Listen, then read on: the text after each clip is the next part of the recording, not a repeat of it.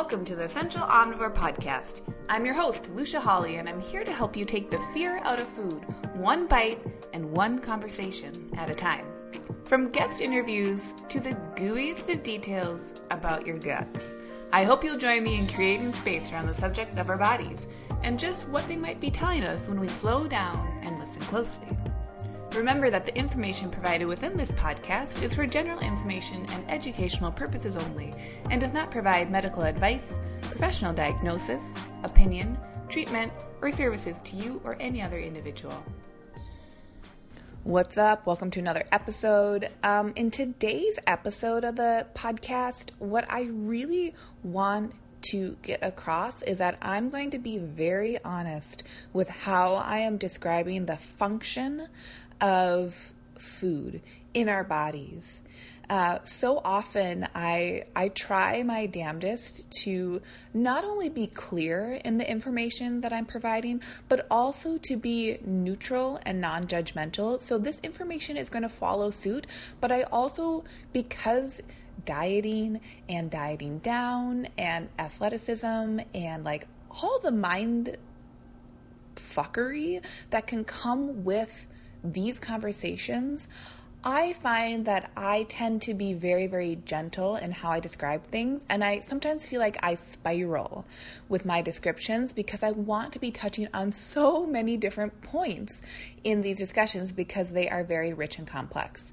And this is just my little uh, note before we dive into the subject for today that I'm trying to be very clear here and it's a point of mine to simply state some facts. And if those ruffle your feathers, I welcome that. And um, if it feels like an episode that is different from other episodes, I welcome you to feel that feeling because I also feel it.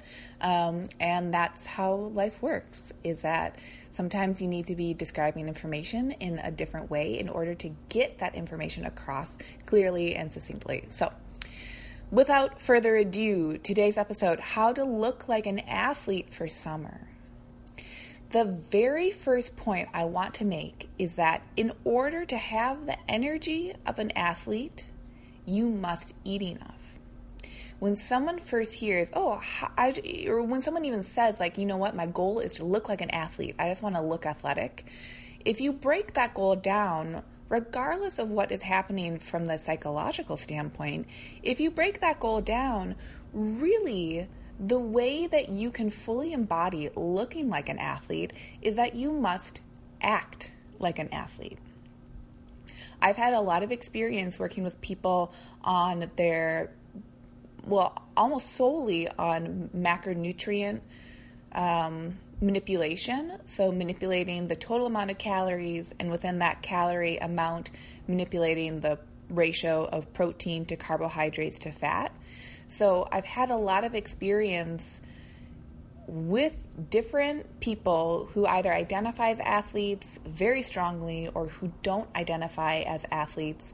And the the point of this episode is that I wanted to offer my vantage point on accomplishing looking like an athlete because I've had so many people ask me how to do it and I've offered it to them, but it's easy to get stuck in the nitty gritty of the numbers when it comes to food and nutrition. And really, being an athlete is so much more than looking like an athlete. So when someone comes to me and they say, Lucia, I just want to look like an athlete, yes, we have to dig deeper, which is a different subject for a different episode. But we also have to really and fully and adequately describe and break down well, what does it mean to be an athlete? So, in terms of food, let's get into it. Athletes do not diet down when they are building their bodies. When you are saying that you desire to look like an athlete, you're actually saying that you desire to function like an athlete.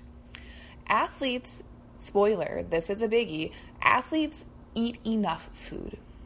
Athletes eat enough food consistently with regularity. They are eating enough food to fuel their bodies. There are three phases most people can be in when it comes to food intake, period. Okay? So the three phases are loss, maintain, or gain. So, in the loss phase, you are eating foods in such a way that it encourages a reduction in body mass, whether that is primarily muscle, primarily fat, or both. In the maintain phase, you're eating foods in such a way that it encourages your body mass to stay the same, whether that is weight or you're tracking other variables such as uh, your lean body mass or something else. In the gain phase, you're eating foods in such a way that encourages an increase in body mass, whether that is primarily muscle, primarily fat, or both. Now, here's the thing when someone has come to me before this is why this episode I was like, I gotta get this out there because not only is it summertime and people are starting to get really frisky when it comes to how their bodies look or how they want to appear during the summertime when we are shedding more clothing or quite frankly we're not wearing any clothing. We're thinking about how our bodies look. We're thinking about how they look aesthetically and we're thinking about how they look in the present and how we desire in our brains for them to look we are thinking about ideals, okay? And so when we think about ideals, a lot of people place their ideal body into the sector of being an athletic body. So when I've worked with people before, they have come to me with a lot of frustration and they've said, you know what, like, when I first started working out, I felt like I lost all this weight. And when they say that, they mean body fat. And I gained all this muscle all at the same time. And now that isn't happening anymore. Why am I so lazy? Why am I so bad? And what the hell happened? Well, that is an athletic endeavor right there. When you are switching your body into functioning more physically every week, with some sort of consistency. So basically, when you're starting to work out and you're doing a workout program that encourages both the aspect of cardio and the other aspect of building muscle, when you're getting a combination of both of those, your body is under a new stressor. It's, com- it's almost completely novel, right? When you first start working out, so your body's going to respond more strongly to a more novel stimulus. This is why when people first start working out, it can actually be very compelling because guess what? We are aesthetic beings. We do care about how we look. And if you're coming to the goal of moving your body, not only for how it feels, but also how it looks, you're going to feel more compelled to continue to show up to those workouts because you're noticing a fast change in your body. New athletes can gain muscle while losing fat, and those can occur rapidly at the same time together because of this completely new and novel stimulus and stressor. Working out is a stressor, and that can become maladaptive if you're working out too hard or too much or you're underfueled, or it can be totally adaptive if you are rested and you're fueling yourself well, etc., etc. After that initial phase, which can be around six months or a year for a lot of people. That's kind of the typical range. After that, when you have actually embodied your athletic prowess and you have brought into consistency a physical movement practice, you will at some point stop seeing so many gains in terms of muscle and so much weight loss in terms of fat loss not only because you have increased metabolism, but because of all these other factors that occur hormonally when you are encouraging the adaptation to a new stressor, which is exercise. And remember, fat loss, for the most part, is a hormonal function because, for the most part, our bodies function hormonally. Okay, I want to always drill that in. Sometimes I can almost feel worried to talk about fat loss because they're I think we need to place so much less importance on it than we do place on it in our culture. But if we don't talk about fat loss, we can't learn about fat loss. And so, if there's one takeaway in regards to losing weight, remember that it's a hormonal function. So, anytime you feel frustrated with your body, or you are someone who's desiring to shift your body in such a way that it is holding on to less fat, you need to remember that you have to support your hormones. And this is exactly what athletes do.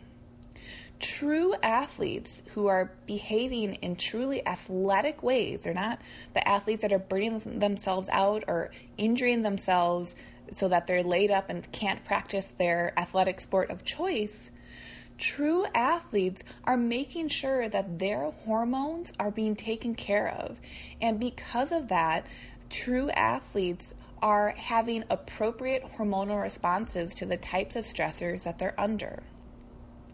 So, going back to those three phases of what can be happening when it comes to food intake, we can have that loss phase, the maintain phase, or the gain phase. Most athletes are in their maintain or their gain phase.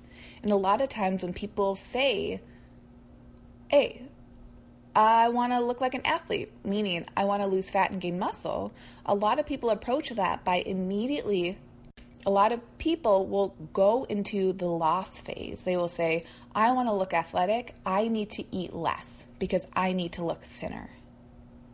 Now, the fascinating thing is that if you become athletic or if you have experienced periods of, of athleticism in your life, maybe you've actually already experienced that if you were to diet and pursue these athletic endeavors, if you just diet willy nilly or continually always diet on yourself, it is very difficult to fuel an authentically athletic body while you are chronically putting yourself into a loss phase. Why is that? Because remember, working out is a stressful experience. It's a stressful experience that we adapt our bodies to. That's how we gain muscle. We put our muscles under duress and they have to adapt when they are recovering by getting bigger and becoming stronger and becoming more responsive. So we as athletes, if we want to desire if we desire to look aesthetically like an athlete of whatever type, we'll talk about that in a minute, but if you desire to look like an athlete, you also then have to truly embody the fact that you have to rest and recover and eat and train like an athlete. So it becomes less surface level and it actually becomes a lifestyle change. And now within that change, there are plenty of options, okay? So if you say, hey, I want to look like an athlete, doesn't mean that you have to spend eight hours a day training like a high level athlete. There's a broad range of what athleticism even entails.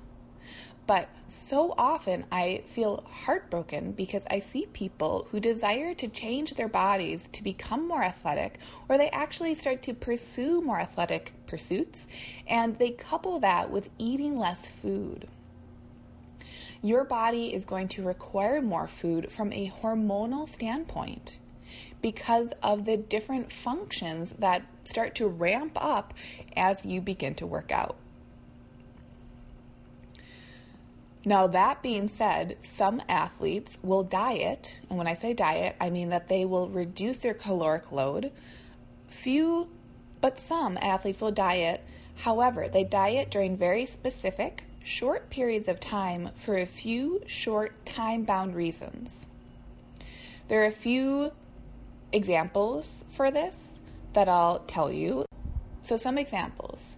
Some athletes might try to place in certain weight classes. And because of that, they might, in the short term, try to manipulate their food and water intake in order to dip into the top of that lower weight class. They're not trying to do be in the lowest weight class at the lowest number because that's not appropriate from a functional standpoint. If you have ever competed in sports where weight class is a factor, you know that it's actually to your advantage to be the at the top of the weight class that you might be in.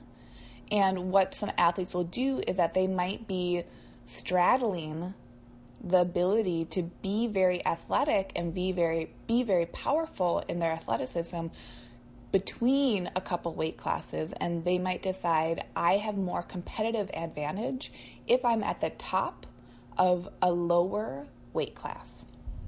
So some athletes will choose to before a competition they will choose a month ish out six weeks to a month, even just the week before, depending on how many times they've experience this and have exposed themselves to short term dieting, they might choose to change the food that they're eating.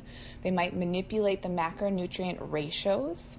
And they also might manipulate other factors, such as the amount that they are sweating, or the amount of water that they are drinking, or their salt, sodium intake. They might manipulate these different factors in order to, for a very, very short period of time, reduce their weight. And then from there, after that competition, they will typically engage in refeeding protocols so that they are not in that loss phase when it comes to food intake and that they pretty immediately go back either to the maintain or to the gain. Because what is happening when an athlete is in a gain phase is that they are encouraging an increase in their body mass. They're encouraging an increase in their muscle. And for a lot of athletes, increased muscle is going to be adaptive for their sport. For some athletes, that might not be appropriate, right? So you can visualize the difference between a power lifter or a marathon runner. You could be doing both okay? They're not mutually exclusive. But for people who begin to really specialize in different sports, there tend to be the ways that they train start to enforce how their body appears. If you are a distance runner, it is in your best interest to have a lower body weight and to hold on to less muscle.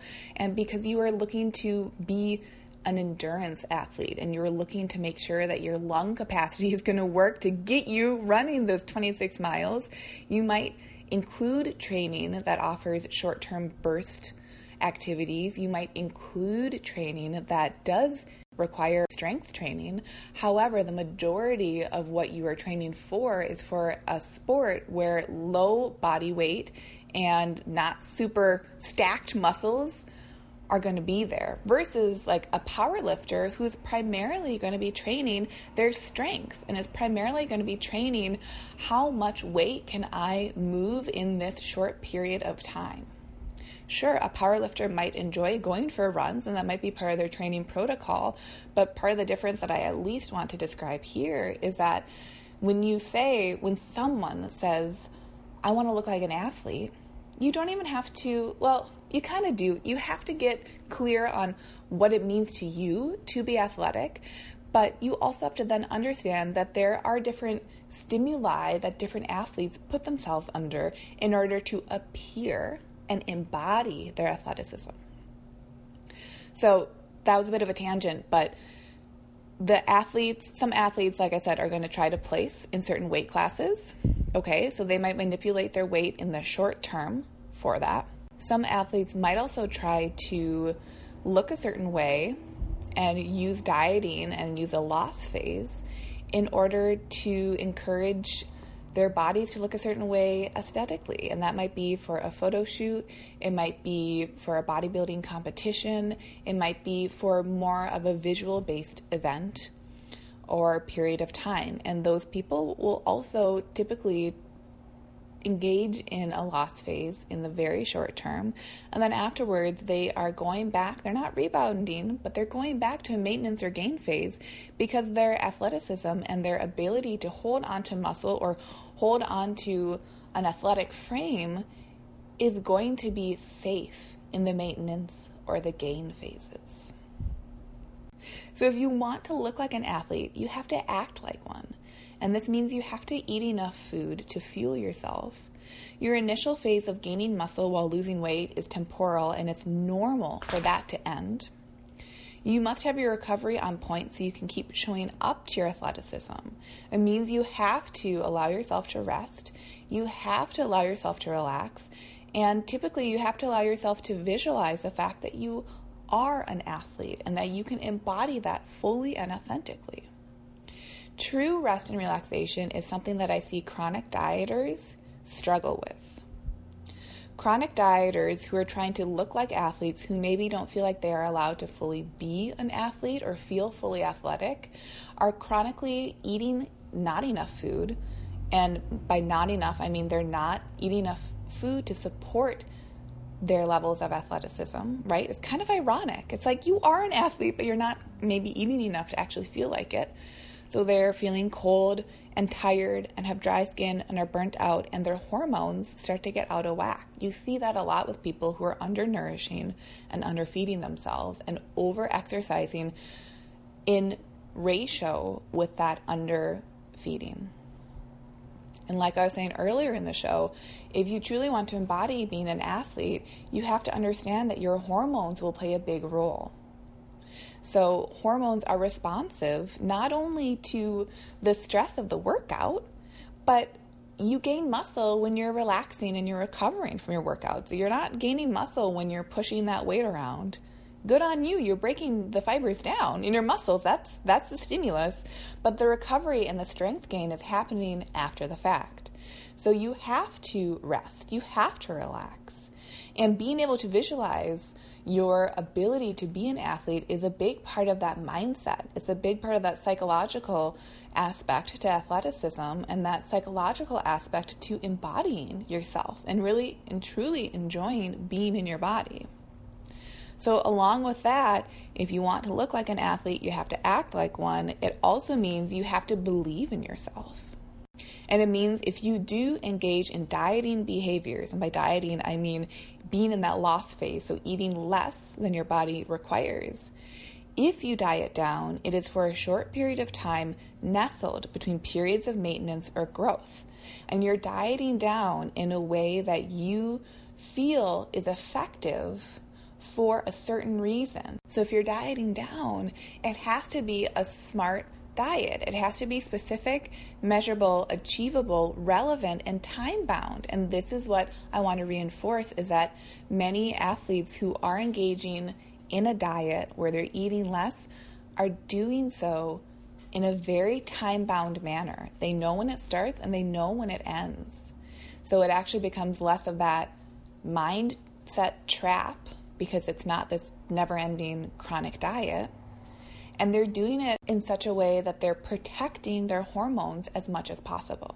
And if they aren't, listen, here's the thing lots of athletes aren't doing that, but it's not going to be truly supportive of their athletic endeavors. So they're going to burn out, okay? So if you want to truly be supportive of looking like an athlete, you got to truly support yourself in being an athlete. Finally, you're dieting down in that temporal short term amount of time is for athletic ability, i.e., the lower body weight is so you can increase agility, or the higher muscle to fat ratio is so you can more efficiently move your body. There is true purpose to engaging in a diet where you're eating fewer calories. Finally, one last thing that I touched on briefly, but I really want to reinforce is that if you're trying to look like an athlete, your appearance is actually a facet of your sport, right? When I made that, you know, I outlined the difference between someone who might be a marathon runner or an endurance runner versus someone who's a power lifter or an Olympic weightlifter. There are going to be different aesthetics because of the different muscles and because of the different lung capacity and because of the different all all the reasons because of the differences between what different sports ask of our bodies and require from our bodies. So, if you want to look like an athlete, your aesthetics follow function, not the other way around. Please understand that that your aesthetics follow function and this can be a very freeing thought. If you desire to look a certain way, let's dig deeper and ask why and be curious about it. And then let's also allow the fact that you can authentically embody that if you so desire. For the most part, people will need to be eating foods to maintain their body's functions or to increase and offer more nourishment so their bodies can reach new levels. And once in a blue moon, you might need to engage in a loss phase in order to reach some goals. But so often, and quite frankly, too often, I see people almost literally breaking down and breaking their bodies in order to pursue an aesthetic that ironically they need to bring all the rest and recovery and all of the beautiful food and nourishment to in order to truly embody.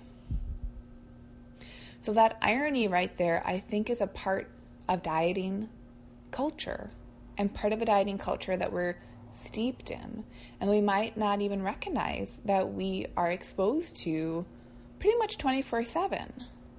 So ask yourself if you've been saying in the back of your head or right up in the in the front of your brain, wherever it is on whichever burner, if you're saying you want to look more athletic this summer, ask yourself, "Hey, do I actually want to be more athletic this summer?"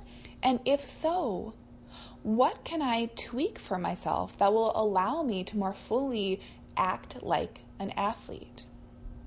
More times than not, this is going to encourage you to eat more food and eat more nourishing foods. And then this is also going to encourage you to engage in more true and authentic rest and relaxation and recovery. Thank you so much for listening to this episode. I hope it was really, really helpful and I hope it was really, really clear because this subject matters so much. This is one of the main issues that I saw with a lot of clients who were coming to me asking for macro tracking, which Listen, I'm a fan of macro tracking where you're looking at your protein to carbohydrate to fat ratio, but we've got to get mindset right before we start tracking because we can get into a chronic diet with anything with any way that we manipulate or we're paying attention to our food and nutrition, any diet could be the most freeing diet and it could also be the most destructive diet. So, really starting to understand what are the reasons behind these actions is going to take us super, super far. So, let me know what you thought about this episode. Hit me up on Instagram. I'm over there at Essential Omnivore. I'm hanging out. So, let me know what do you think, especially as we're coming into the summer season? Do you agree with this? Do you feel like being an athlete actually means you have to embody athletic actions, which is more than just going for the run. It's more than just lifting the weight. And those are actions that are so damn difficult in and of themselves. It truly takes a lifestyle, and we can feel freedom from that. We can feel overwhelmed from that. And it's okay to feel both, but we can continue forward based on our own desires and based on our own goals. Hey, thanks so much for joining along on today's episode. For full archives of past episodes, hop on over to essentialomnivore.com or subscribe to the Essential Omnivore podcast on Apple Podcasts or Stitcher.